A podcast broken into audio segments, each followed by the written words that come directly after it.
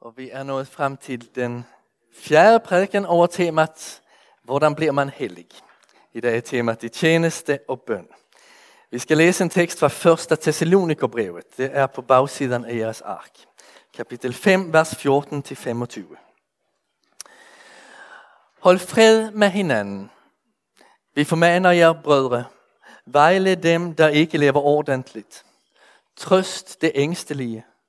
Tag jer af det svage. Vær langmodige med alle.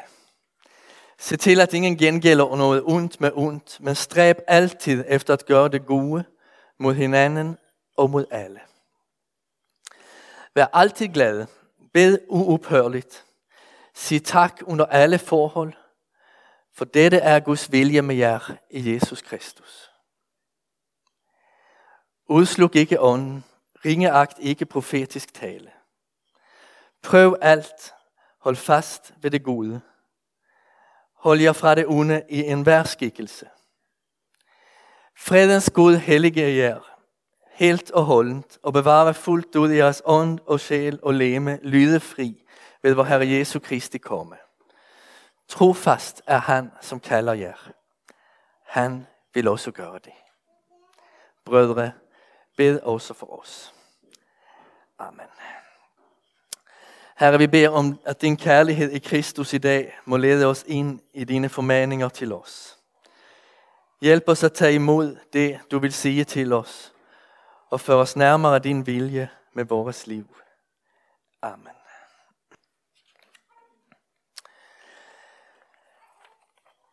Her får du fred er en reklame, der får os at lytte lite ekstra opmærksomt.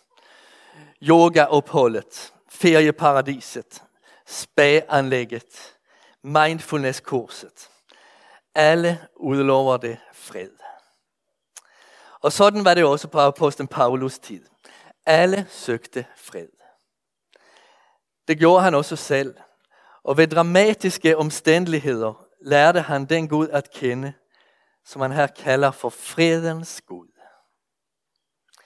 I tider af forfølgelse, modgang og bekymringer fandt han fred i Herren.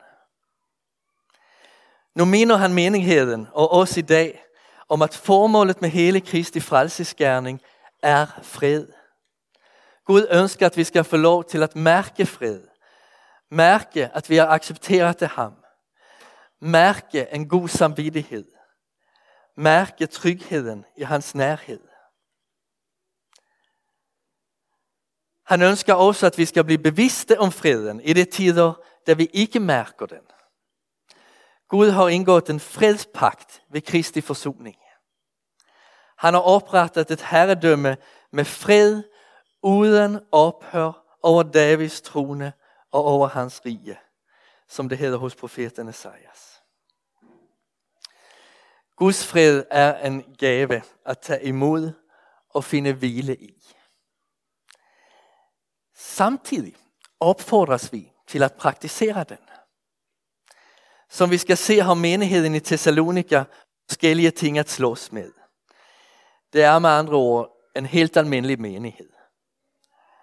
Ved Paulus kalder, kalder fredens Gud dem til relationer af fred. Han opfordrer dem og deres ledere til at stræbe efter det. I Bibelen er hellighed ikke noget indre, en fromhed. Det er noget konkret. Noget, der viser sig i ens fællesskaber. Og det, det handler den første del af prædiken om i dag. Hold fred med hinanden. Se om det kommer der. Ja. Vejle dem, der ikke lever ordentligt. I Thessalonika var der dem, der undskyldte sin dogenskab med at Jesus alligevel snart ville komme tilbage. Men et uordentligt liv kan selvfølgelig også tage sig helt andre udtryk. At ikke holde det, man lover.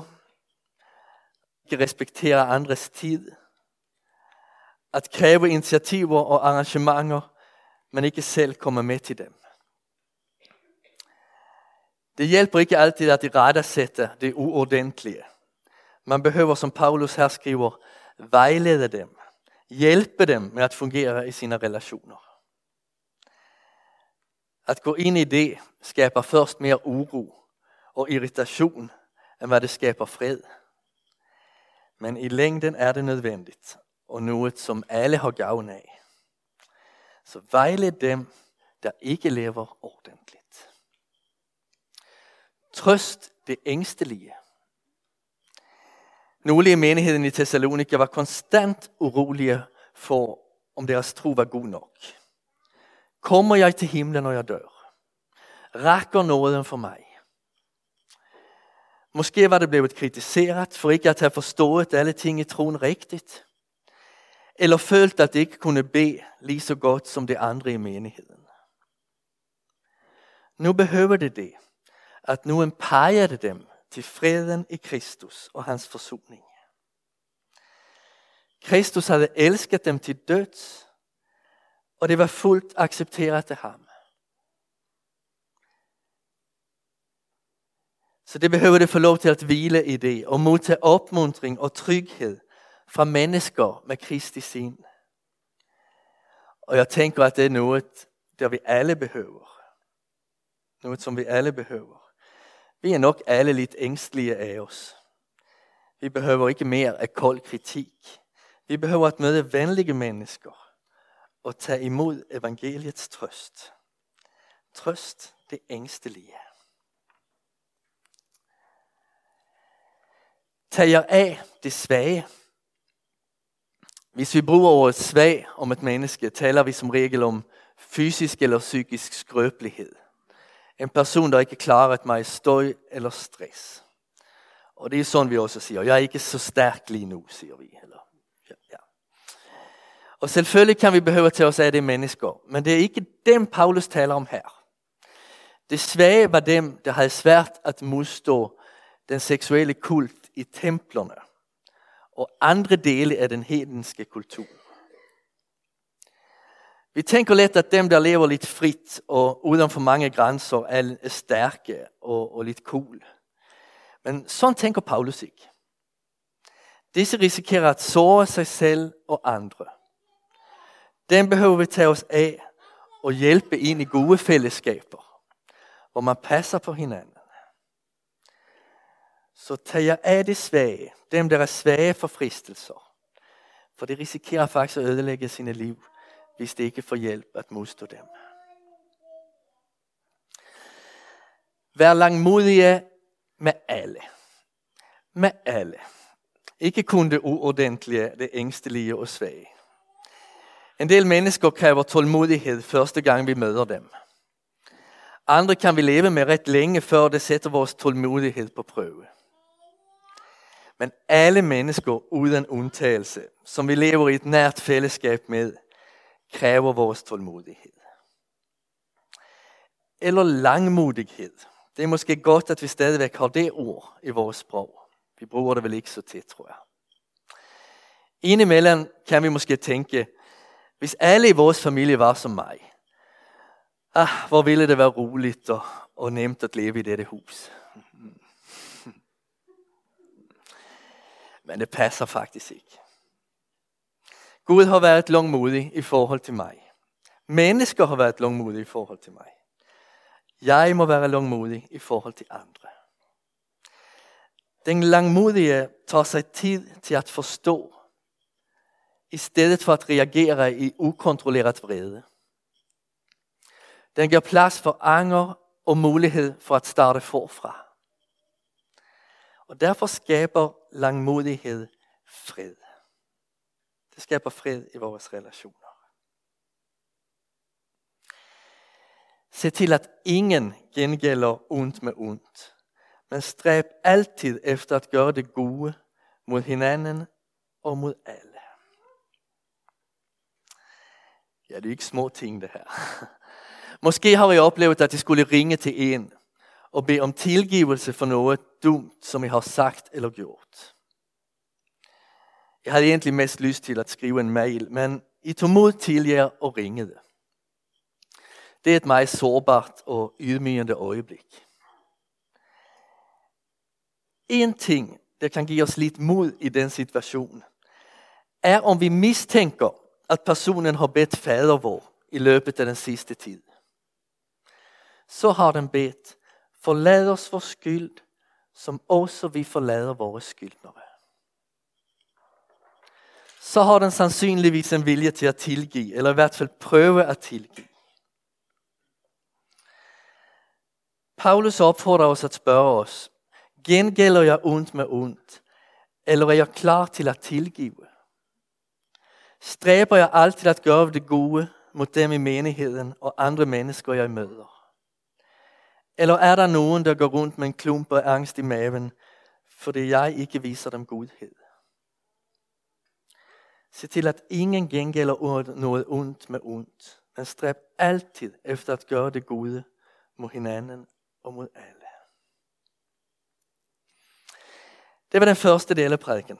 Fredens Gud kalder os til at holde fred med hinanden og med alle mennesker, vi møder. Overskriften for den anden del af prædiken lyder, Lev i den trofaste Guds nærhed. Og den udgår fra ordene, trofast er han, som kalder jer. Han vil også gøre det. Og gøre det betyder, han vil også fuldende frelsen. Alt hvad Paulus opfordrer til her, udgår fra, at Gud er levende og virksom. Vi skaber ikke åndeligt liv. Vi modtager det.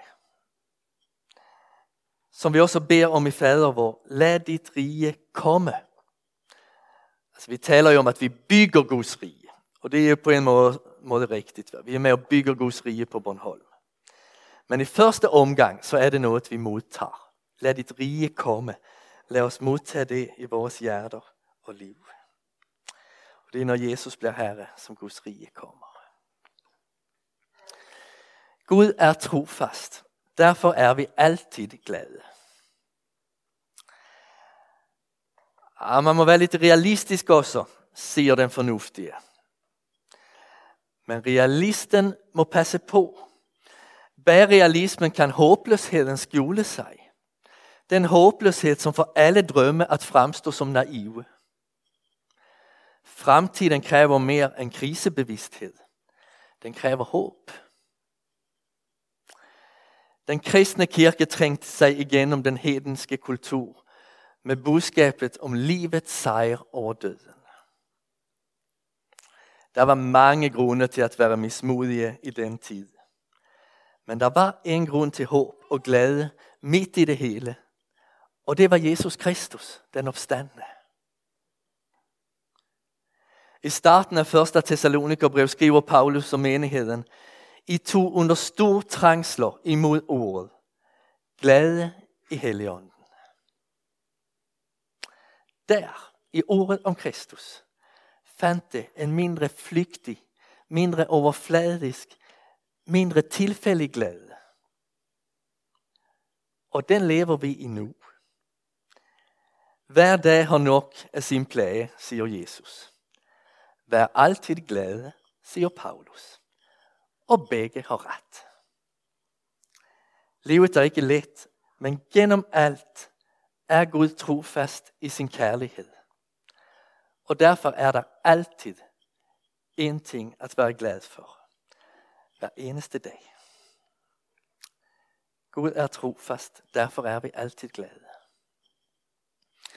Gud er trofast, derfor beder vi uophørligt og siger tak under alle forhold. Det er afgørende for os som kirke, at vi forstår, at vi findes for Guds skyld. Det er først, da vi mødes for at søge ham, som verden kan fornemme ham.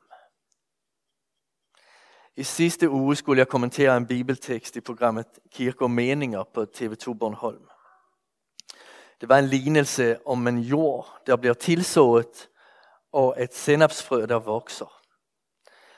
Og min tolkning af den tekst er, at det er Guds ord, der skaber en tro, der vokser, og en glæde over Kristus, og en kærlighed til Kristus.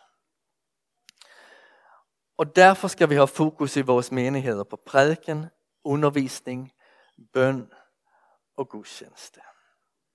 Og jeg håber at der ville være lidt mere tid til at fordybe mit svar. For så vil jeg have fortalt om en menighed, hvis ledere tit stillede spørgsmålet, hvor er folket? Hvorfor kommer der ikke flere til vores gudstjenester? Til det en dag opdagede den søgendes spørgsmål. Hvor er Gud?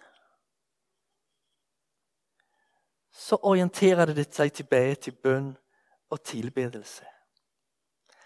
Først da det levede i bøn, kunne den søgende finde Gud. Når vi bliver et bønnehus, kan alle folk finde frem til os. Det er det, Jesus siger. Vi skal være et bønnehus for alle folk. Når Guds hellighed gør os menneskelige, bliver vores fællesskab helbredende. Vi læser om den allerførste kirke i Apostlenes Gerninger, kapitel 2. Jublende og oprigtige af hjertet priste det Gud og havde hele folkets yndest. Det priste ikke folket, det priste Gud. Uden tvivl gjorde det noget for folket også. Helt sikkert. Men alt hvad det gjorde, var forankret i Gud. Det handlede overhovedet ingenting overhovedet handlede om at blive accepteret af omgivelserne. Det handlede om at leve i Guds nærhed. Og pludselig kunne mennesker fornemme deres tro på Herren. Jeg tror det er en kaldelse fra Gud at reflektere over gudstjenestens form og menighedens program. Men i sidste ende lyder det to afgørende spørgsmål altid. Er den tradition, man forvalter, levende for en? Og findes her mennesker, der beder?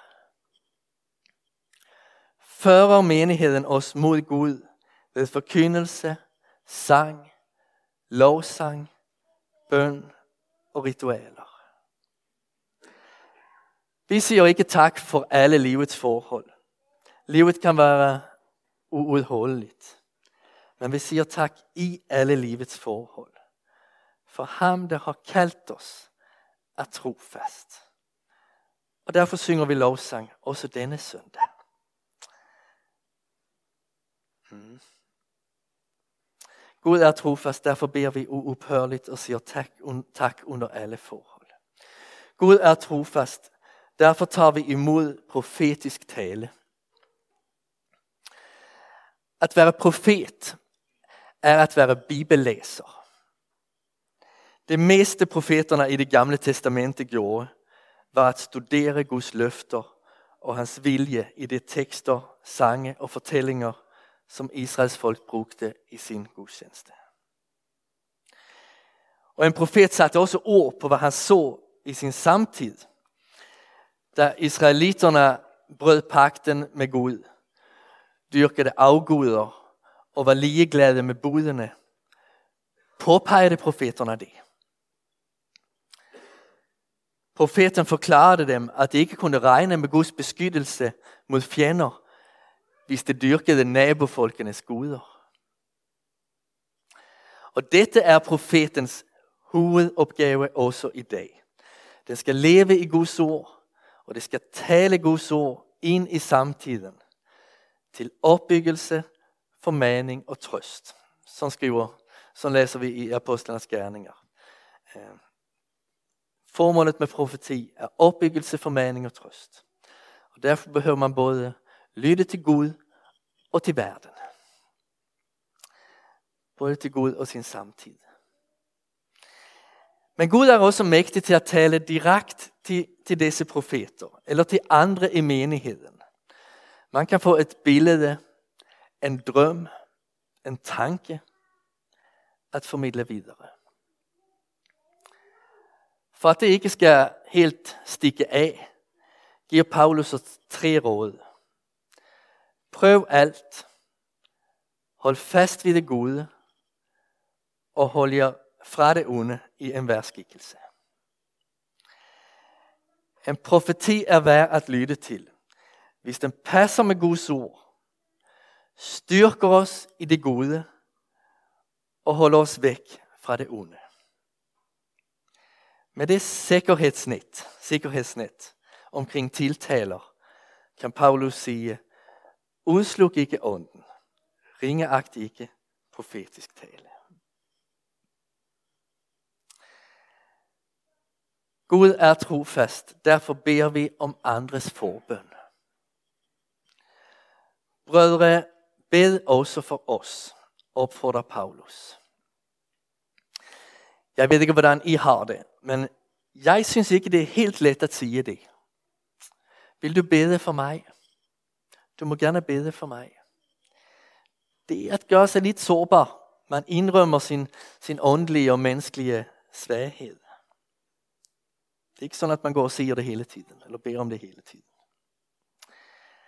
Og man synes vel også, jeg tænker også, vi synes nok, at det er at være lidt i besvær. Men det er jo derfor kirken findes, for at vi skal bære hinanden. Vi har lov til at være byrder for hinanden. Det er faktisk okay. Og som præst behøver forbøn. En apostel som Paulus behøver det forbøn.